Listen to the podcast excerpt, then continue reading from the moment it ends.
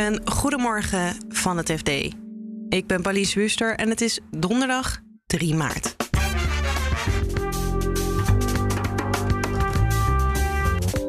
Onze correspondent Joost Bosman zat in Kiev en heeft, net zoals heel veel Oekraïners, moeten vluchten voor het geweld van de Russen. Onheilspellende dreun in de verte werd ik wakker en ik had meteen al het gevoel: het is niet goed. Dit, uh, dit, dit is foute boel. Inmiddels zit hij veilig in Warschau en hoor je in deze aflevering zijn verhaal, wat hij tegen is gekomen op zijn vlucht. En of hij ooit nog terug gaat komen naar zijn appartement in Moskou. Ja, mijn drive zegt toch dat ik wel graag weer terug wil naar Moskou, omdat het daar nu ook gebeurt natuurlijk. Dit is de dagkoers van het FD. Je gaat luisteren naar onze Rusland-correspondent Joost Bosman, die dus in Kiev was, dat heeft moeten ontvluchten door het geweld en inmiddels veilig is aangekomen in Warschau. Ik spreek hem op woensdagavond vanuit Polen. En tussendoor hoor je ook wat fragmenten die Joost heeft opgenomen op het moment dat hij onderweg was van Kiev naar Lviv. En van Lviv uiteindelijk over de Poolse grens. Wij spraken elkaar vorige week woensdag voor het laatst. Dat was uh, achteraf de dag voor de inval in Kiev. Ik denk dat je toen niet had kunnen voorspellen hoe uh, de afgelopen week eruit heeft gezien. Nee, ik, ik was een van de velen die, die ook eigenlijk dacht van... nou ja, er zitten zo ontzettend veel haken en ogen aan een uh, volledige invasie...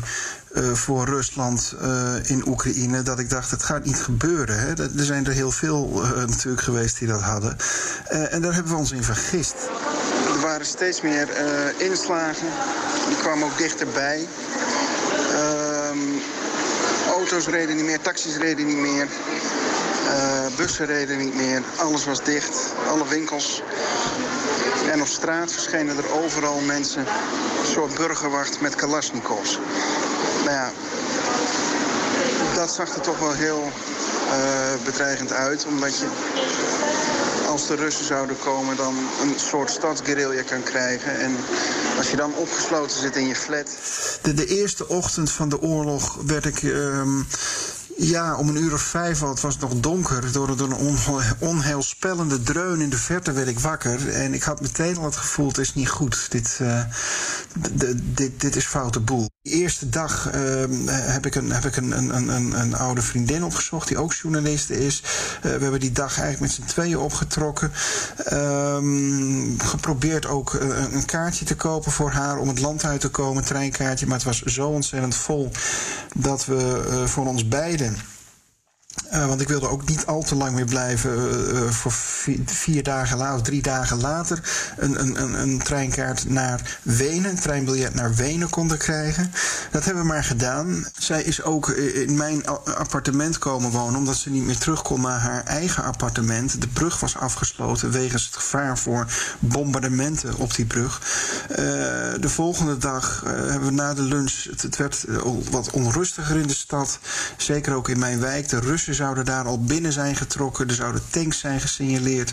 Uh, het gebulder van kanonnen en wat ook maar artillerie kwam steeds dichterbij. En op een gegeven moment dachten we van ja, als dit inderdaad tot straatgevechten gaat leiden, een, een soort stadsguerrilla, nou ja, dan, dan, uh, dan moet je hier weg. Want uh, hè, dan, dan kan het zijn dat je je huis niet meer uit kunt, je flat niet meer uitkomt. Dat kan weken, uh, maanden, jaren zelfs duren. Dat hebben we bijvoorbeeld aan Sarajevo gezien, de Bosnische hoofdstad in de jaren negentig. Uh, dan kan er intussen kan het licht uitvallen, de waterleiding, watervoorziening kan wegvallen, de gastoevoer kan wegvallen, winkels gaan dicht, uh, er is niks meer te krijgen, er is niks meer te eten, niks meer te drinken. Nou, met andere woorden, kort gezegd, totale ineenstorting van het maatschappelijke leven. En ja, dat kan zo'n nachtmerrie worden dat, dat je dat je maar beter kunt dat voorkomen en weg kunt wezen. En dat hebben we toen ook gedaan. Uh, kwart voor vijf kwamen we aan op het station. Gigantische massa, ook op de perrons. De trein naar Lviv stond nog steeds op perron en was al een half uur te laat. Of zeker drie kwartier. En mensen probeerden in de trein naar binnen te komen. En er was maar één deur open. En mensen persten zich gewoon naar binnen. Dus een trein klaar die al een uur stond te wachten. Uh, waar heel veel mensen nog in wilden. Wij hebben onszelf ook maar gemeld. En, en uiteindelijk gingen alle deuren weer open en konden we erin. En nou ja, die trein die zat er ramvol. Uh, normaal gesproken zitten er vier mensen in één compartiment, in een coupé. En bij ons zaten er toen we wegreden tien in. En dat is de hele nacht zo gebleven. Uh, nou ja, dat zegt wel wat natuurlijk. Uh, niemand kon ook onderuit. niemand kon echt gewoon liggen slapen. Dus ja, dat was vrij vermoeiend. de tocht is normaal gesproken 6 tot 8 uur naar Lviv vanuit, vanuit Kiev. we hebben er dit keer 13 uur over gedaan. Ja. Maar zaterdagochtend zijn we in Lviv aangekomen, waar het tot op heden in ieder geval nog wel rustig is. We staan nu iets verder van het station af tegen het centrum aan in Lviv. En opnieuw op de achtergrond het onheilspellende gehuil, hoe moet je het noemen, van het luchtalarm. Je zegt nog wel rustig, maar ik hoorde ook luchtalarmen bij jou op de achtergrond. Wat ik heb begrepen is dat dat gebeurt om de eh, bevolking een beetje aan te laten wennen. Om ze alert te maken. Jongens, er is luchtalarm, let op.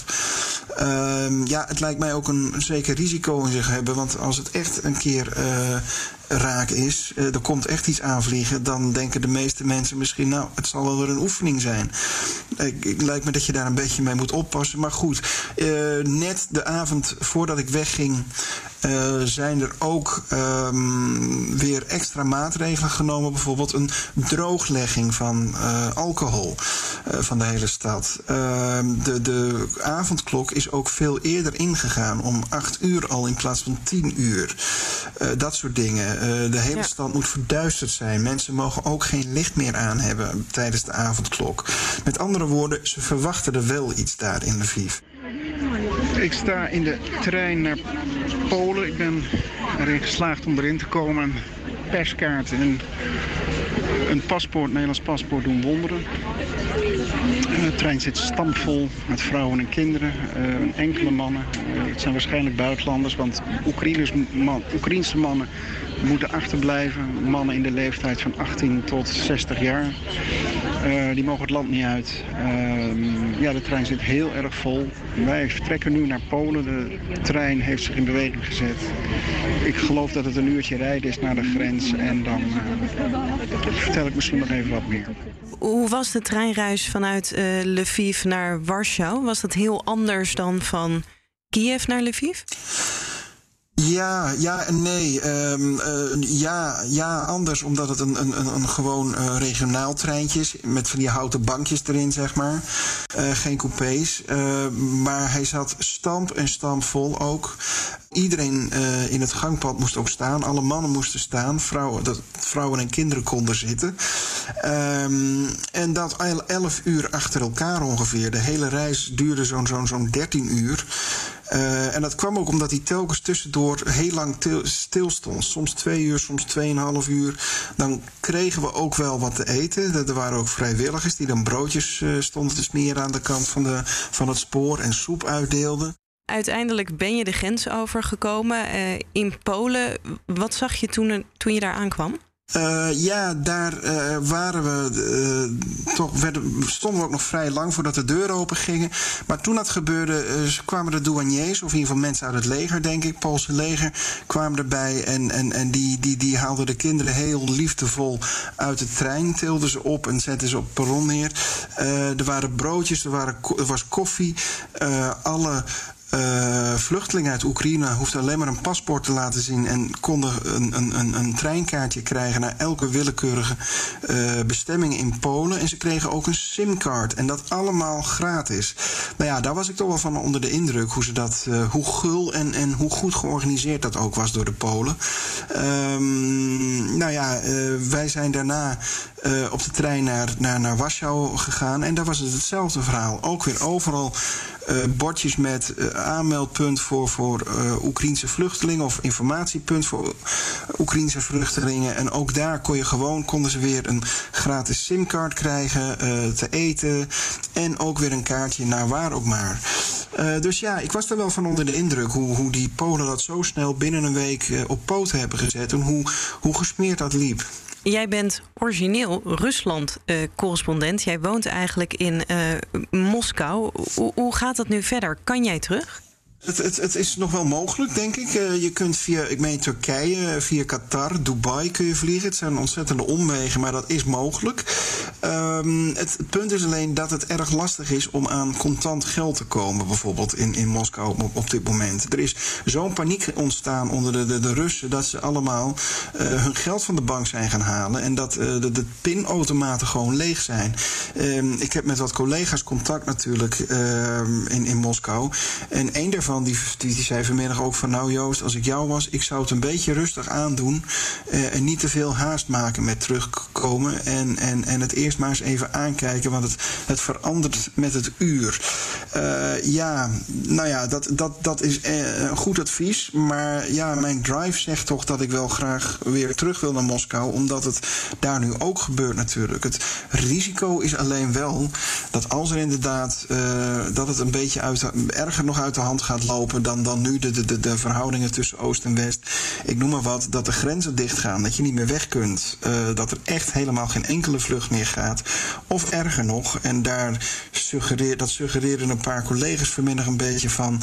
Hè, misschien dat, dat, dat, dat je wel uh, opgepakt wordt omdat je te kritisch bent. Hè, dat ze zeggen van nou, uh, de, de, Russische autoriteiten, je bent een spion. Hè, dat je daarvoor voor gearresteerd wordt zelfs. En, en, en mogelijk zelfs voor, voor veroordeeld wordt. We weten het gewoon niet. Hè. Het huidige uh, regime in Rusland lijkt erg onvoorspelbaar te zijn en is bovendien, en dat weten we al jaren, buitengewoon wraakzuchtig. Althans, president Poetin heeft dat toch wel in zich. Dus ja, het, het heeft zekere risico's in zich om op dit moment uh, naar Rusland te gaan. Anderzijds heb, is mijn idee van als ik het nu niet doe, kom ik er misschien helemaal niet meer in. En nou ja, goed, ik heb ook mijn spullen gewoon nog staan in, in Moskou. Hè. Dat is ook iets heel praktisch. Plus dat ik mijn vrienden en kennissen daar gewoon niet zomaar in één keer uh, ja, uh, wil afschrijven, zeg maar. Ik wil hen, als, ik, als er dan toch van moet komen dat je moet vertrekken op enig moment, uh, dan wil ik van hen toch ook eerst even ja, gewoon goed afscheid kunnen nemen. Dit was de dagkoers van het FD. Met daarin het verhaal van onze correspondent Joost Bosman op dit moment vanuit Warschau, maar hopelijk in de toekomst als het weer veilig kan vanuit Moskou. Om daarvan op de hoogte te blijven en sowieso van het laatste nieuws kun je naar fd.nl. Dagkoers volg je in je favoriete podcast-app. Zoek ons even op en klik op abonneren, dan staan we morgenochtend automatisch weer voor je klaar. Voor nu een hele fijne dag en tot morgen.